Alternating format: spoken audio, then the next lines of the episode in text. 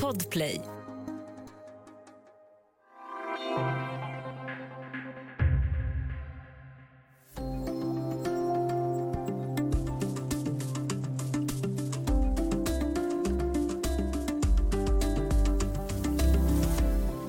Motgångarna i kriget hopar sig för Ryssland. Samtidigt kräver högröstade krigshetsare i Moskva hårdare tag.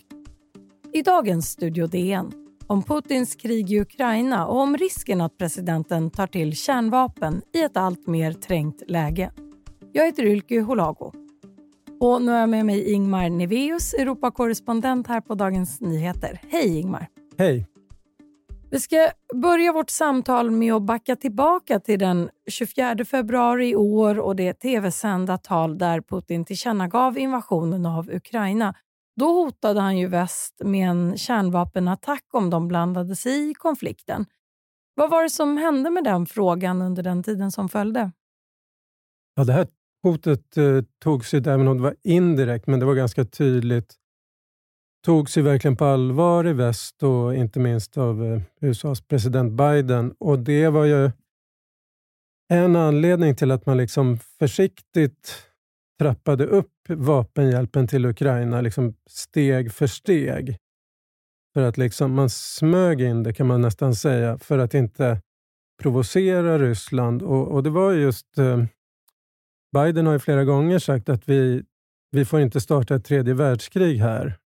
Och han har liksom varnat för det själv. Och eh, med tiden då så kändes det liksom inte att väst då... Det fanns liksom ingen tydlig röd linje för Putin där han skulle trappa upp ett sånt här hot, utan man fortsatte att leverera mer och mer och eh, den strategin kändes som att den fungerade då från västs sida. Sen har det liksom kommit tillbaka lite den här diskussionen om hot, eh, att, att det kan bli en upptrappning och så vidare i väst. Och Det har att göra med motgångarna då för Ryssland på sista tiden. Att det liksom skulle...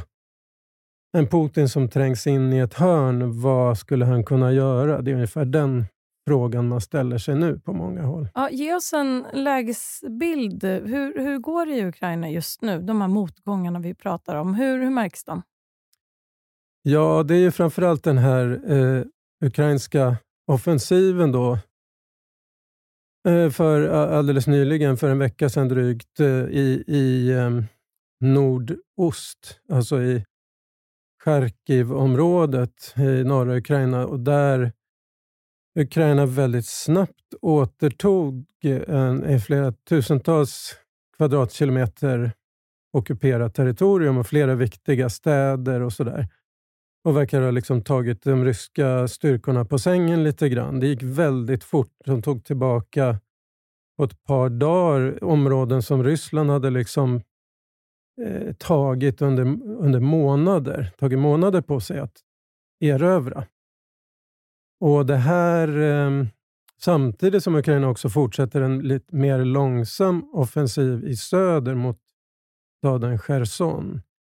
Så att, eh, ja, krigslyckan har vänt. Eh, det känns som att Ukraina har tagit initiativet. Det är liksom de som håller i taktpinnen och man frågar sig mer hur långt fram kan de ukrainska styrkorna nå? Kan de rent av återerövra fler delar av Donbass, alltså den här östliga regionen som, som rys, ryskstödda så kallade separatister har eh, kontroll över ända sedan 2014.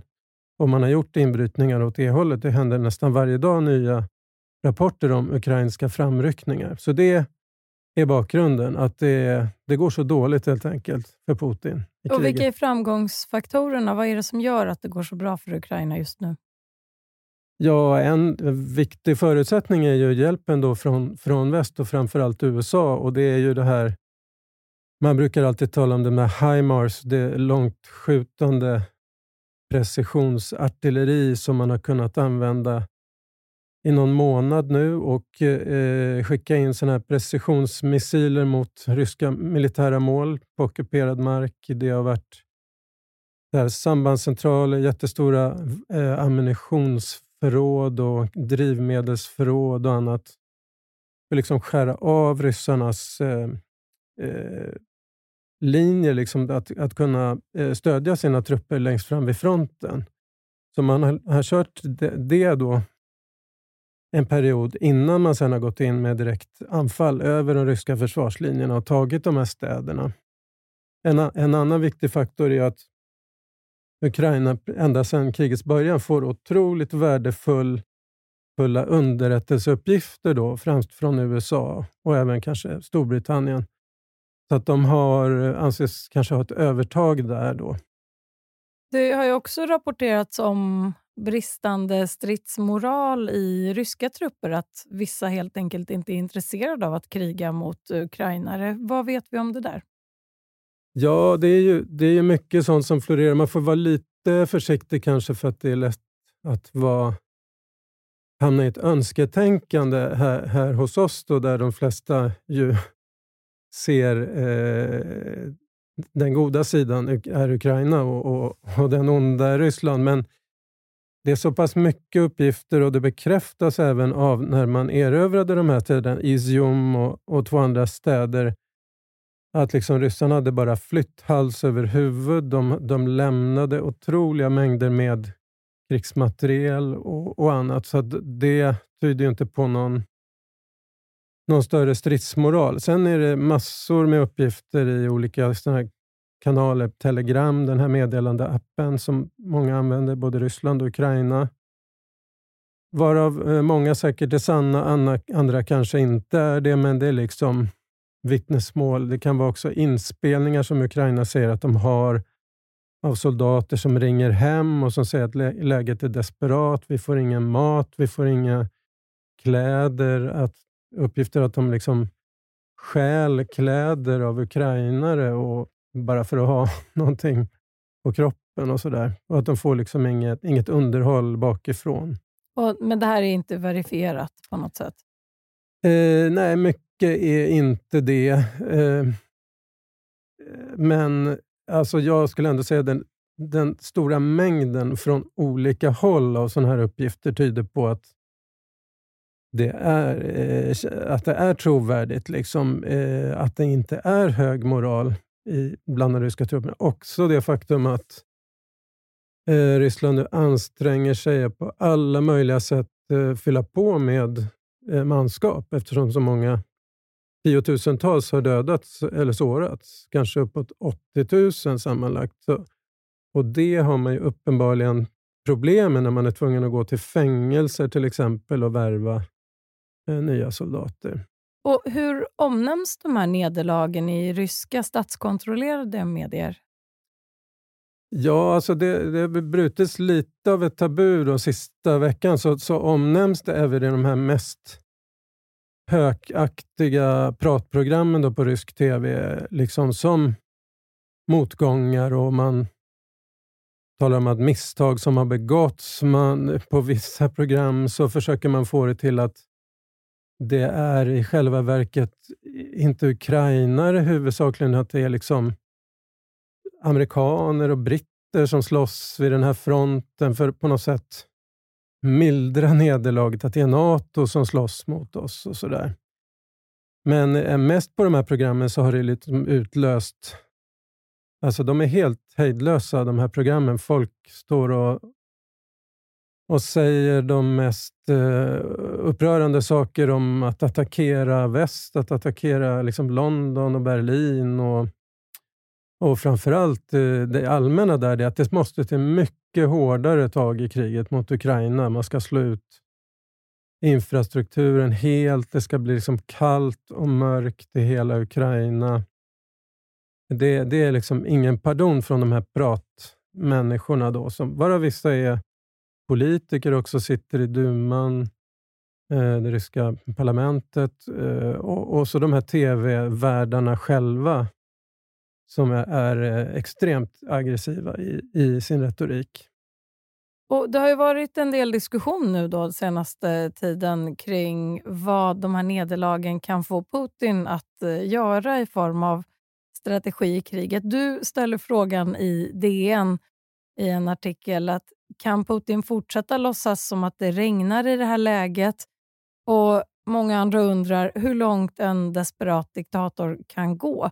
Vad finns det för svar på en så komplex fråga? Ja, men det är väl den frågan som vissa i, i, i väst då ha, har liksom besvarat med att det är en större risk nu eh, än på flera månader att han trappar upp på något sätt. Och, och det, det kan innebära allt från upptrappade eh, attacker då mot ukrainska städer och liksom civila mål och stora kraftverk och sådana här saker till användandet av massförstörelsevapen, alltså eh, kemiska vapen eller till och med kärnvapen. Så att den, den diskussionen har liksom kommit upp igen då, på grund av det här trängda läget. Alltså Putin motgångar plus eh, att man då släpper fram så otroligt krigshetsande röster då i, i medierna.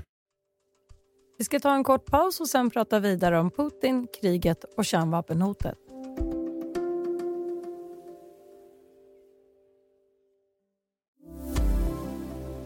And I wonder, Mr. President, what you would say to him if he is considering using chemical or tactical nuclear weapons. Don't. Don't. Don't. It will change the face of war unlike anything since World War II. Ja, så här lät det i det amerikanska nyhetsprogrammet 60 Minutes nyligen när USAs president Joe Biden uppmanade Vladimir Putin att inte lockas att använda kemiska eller kärnvapen i Ukraina. Du lyssnar på Studio DN, idag med Ingmar Neveus, Europakorrespondent här på Dagens Nyheter. Ingmar, du har ju skrivit i Dagens Nyheter om det här eh, nya eventuella kärnvapenhotet. En faktor är att Ryssland i sin officiella militärdoktrin faktiskt har sänkt tröskeln för att använda kärnvapen. Sen 2014 så är citat aggression med konventionella vapen där statens existens hotas slutcitat en anledning att trycka på den välkända knappen. Alltså att eh, ja, trigga igång eh, ett kärnvapenkrig. Vad skulle det krävas idag för en sån utveckling? Alltså det, eh, jag ska säga först att det alla, i stort sett alla experter och militärexperter och bedömare talar om, det är egentligen inte då de här eh, strategiska kärnvapnen, alltså de som Ryssland och USA har liksom på fasta ramper eller på ubåtar som kan skickas runt halva jordklotet och förstöra hela storstäder och så vidare. Det man talar om, den risken är det knappt någon som talar om. Får jag nog säga. Men det, det, finns något som kallas taktiska kärnvapen och det är betydligt eh, mildare, om man nu kan säga det här, som då har funnits länge och som är liksom då tänkta att användas på det så kallade slagfältet. Det som diskuteras som en upp, möjlig upptrappning då från Rysslands sida det är att använda sådana taktiska kärnvapen och man tror att Ryssland kanske har tusen sådana där. Eh, Vad är taktiska kärnvapen? Ja, alltså det, det är, är, är, vapen som... Ja, det kan vara väldigt olika styrka på laddningarna, men de är, de är inte all, de skapar inte så mycket förstörelse utan, och de monteras på eh, missiler som inte går så långt. och så där. Det, det, det är en annan klass av kärnvapen då som man inte kan skicka runt halva jordklotet. Men, och Det kan vara liksom från mycket, mycket mindre, eh, kanske en hundradel så mycket som bomberna som fälldes i Japan under andra världskrigets slutskede. Ja, kärnvapen har ju som bekant bara använts i krig två gånger här i världshistorien. Det är just då vid USAs bombningar av Hiroshima och Nagasaki 1945 i Japan. Mm. Hur ser kärnvapenhotet ut idag ur ett globalt perspektiv? Jo, men alltså det man, eftersom man då pratar om att Ryssland eventuellt skulle kunna drivas och använda sådana här taktiska kärnvapen i Ukraina, då Sen finns det skäl som talar emot, det kan vi ta sen. Men då har man liksom brutit det här tabut. Jag menar, det har aldrig använts mer än två gånger i världshistorien. Och då, märk väl, i augusti 45 fanns ingen annan som hade kärnvapen. Det var bara USA. Det fanns liksom ingen risk att Japan eller något annat land skulle återgälda det här. Så är det ju som bekant inte idag. Så att bryter man då det här tabut, då finns ju stora risker att eh, andra länder tittar på och säger jaha, det går att göra det här. Um, det finns ju, Indien och Pakistan har kärnvapen, Nordkorea har det, Israel tros ha det. Eh, Iran har antagits vara på väg att skaffa och så vidare. Så att det, det får ju helt oöverskådliga följder då att det har återigen använts. Även om det till exempel som en variant som en del pratar om är att de skulle smälla av ett vapen bara högt ovanför Svarta havet. Det skulle liksom inte orsaka någon förödelse, det skulle bara vara en markering. Titta, nu, nu kör vi det här i alla fall. Så att, eh, ja, det, det är en komplex fråga, men, men eh, det skulle definitivt få massor med följder utöver själva det, den förstörelse. Och Hur stor är risken att eh, just Putin skulle välja den här vägen nu? Ja, alltså det, finns, det finns folk som har olika meningar, men jag tror personligen mest på de som är i majoritet och som, som pekar på en mängd faktorer som gör det mindre troligt. Eh, och det är ju, ja, ska jag nämna kanske det viktigaste, det är att då, då drar man ju in NATO och USA i kriget. För att det skulle ju... Även om USA inte har sagt, alltså USA kör en slags medveten tvetydighet i sitt, liksom, sin retorik. Jag hörde att Biden sa “don't” och så vidare. Men han säger inte så här, ja men om du gör det, då gör vi exakt så här. Och Det där är medvetet, men det är klart att de Va, skulle... Vad berättar den strategin, eller den retoriken för oss? Ja, det, det är väl att liksom um, han inte binder sig för till exempel att USA då skulle använda kärnvapen, vilket jag inte tror. Men det kan vara eh, att det troligaste enligt experter det är väl att USA, de säger att de skulle använda ett taktiskt kärnvapen i Ukraina. Då skulle ju det komma in eh, NATO-soldater, eh, troligen i Ukraina, och, och, delta aktivt, vilket man inte har gjort hittills. Man skulle eh, trappa upp Alltså de vapen Ukraina hittills har fått, de har ju begränsningar. Man skulle troligen attackera mål även inne i Ryssland, både NATO och Ukraina.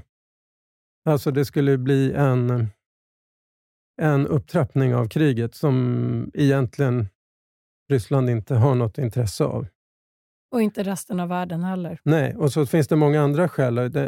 En, ett annat skäl är att Eh, även om eh, sådana här taktiska eh, kärnvapen då orsakar stor förödelse. Så de anses egentligen inte ha någon militär poäng. Alltså de, det finns sådana vapen som man mätt upp som liksom, det skulle förstöra typ 15 stridsvagnar.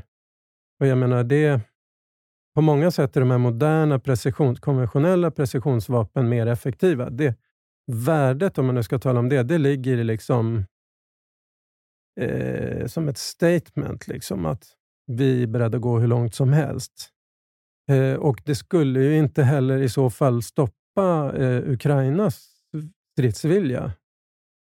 Om, om, säg om 15 eller eh, 50 stridsvagnar, för det, det skulle snarare bara stärka den. Och, och Det skulle liksom inte få Ukraina att bete sig som Japan gjorde 1945. Det var ju de här bomberna som gjorde att man ändå kapitulerade i kriget. Det är svårt att se hur Putin kan uppnå det. Vi ska börja runda av alldeles strax, men innan det, vad, de här taktiska kärnvapnen, vad kan de få för effekt för eh, människor i form av skador? Efter atombomberna i Japan så ja, vi har ju sett vad det blev cancer i generationer. Eh, folk blev väldigt illa skadade. Vad, vad får de taktiska kärnvapnen för konsekvenser? Jo, men de kan väl ge sådana såna effekter också. Jag menar, i, I Japan, de här två bomberna, så dödades ju 225 000 ungefär. Det är väl både direkt eh, efter explosionerna och, och eh, efteråt. Alltså det, det där beror ju helt på... Det är klart det handlar om tusentals och kanske hundratusentals döda. Men det, det beror helt på vilken typ av laddningar, hur stora de är och så vidare. Eh, och naturligtvis eh, radioaktivt nedfall också. då. Och Det kan ju också drabba Ryssland eftersom det är ju grann, två grannländer vi talar om här. Mm, och radioaktivt nedfall i Svarta havet som du nämnde tidigare skulle också ge effekt för hela eh, området och flera länder. I, det, skulle det, det skulle det kunna göra, absolut. Så avslutningsvis, vad, vad händer härnäst i frågan? Vad följer du och håller ögonen på? Ja, nej, men det är väl vi alla svävar i okunnighet och tyvärr om vad Putins eh, innersta tankar. Men, men eh, det är klart, man följer Ukrainas framgångar och, och man hoppas att jag hoppas och tror att den här gradvisa upptrappningen av hjälpen från västländer, att den, den fungerar. Den kommer fortsätta fungera. Och att eh, Ukraina ja, när, närmar sig någon, någon form av, av seger i kriget. Ja, vi får fortsätta följa frågan. Tack för den här gången Ingmar Neveus, Europakorrespondent här på Dagens Nyheter. Och jag, Ylke Holago, som programleder gör idag mitt sista avsnitt av Studio DN. Tack alla lyssnare för den här tiden. Om du vill kontakta oss så går det bra att mejla till studiodn e. Och kom ihåg att prenumerera på Studio DN där du lyssnar på poddar så missar du inga avsnitt. Studio DN görs för Podplay av producent Sabina Marmulakai ljudtekniker Patrik Miesenberger, teknik Jonas Lindskov på Bauer Media och jag heter alltså Ylky Holago.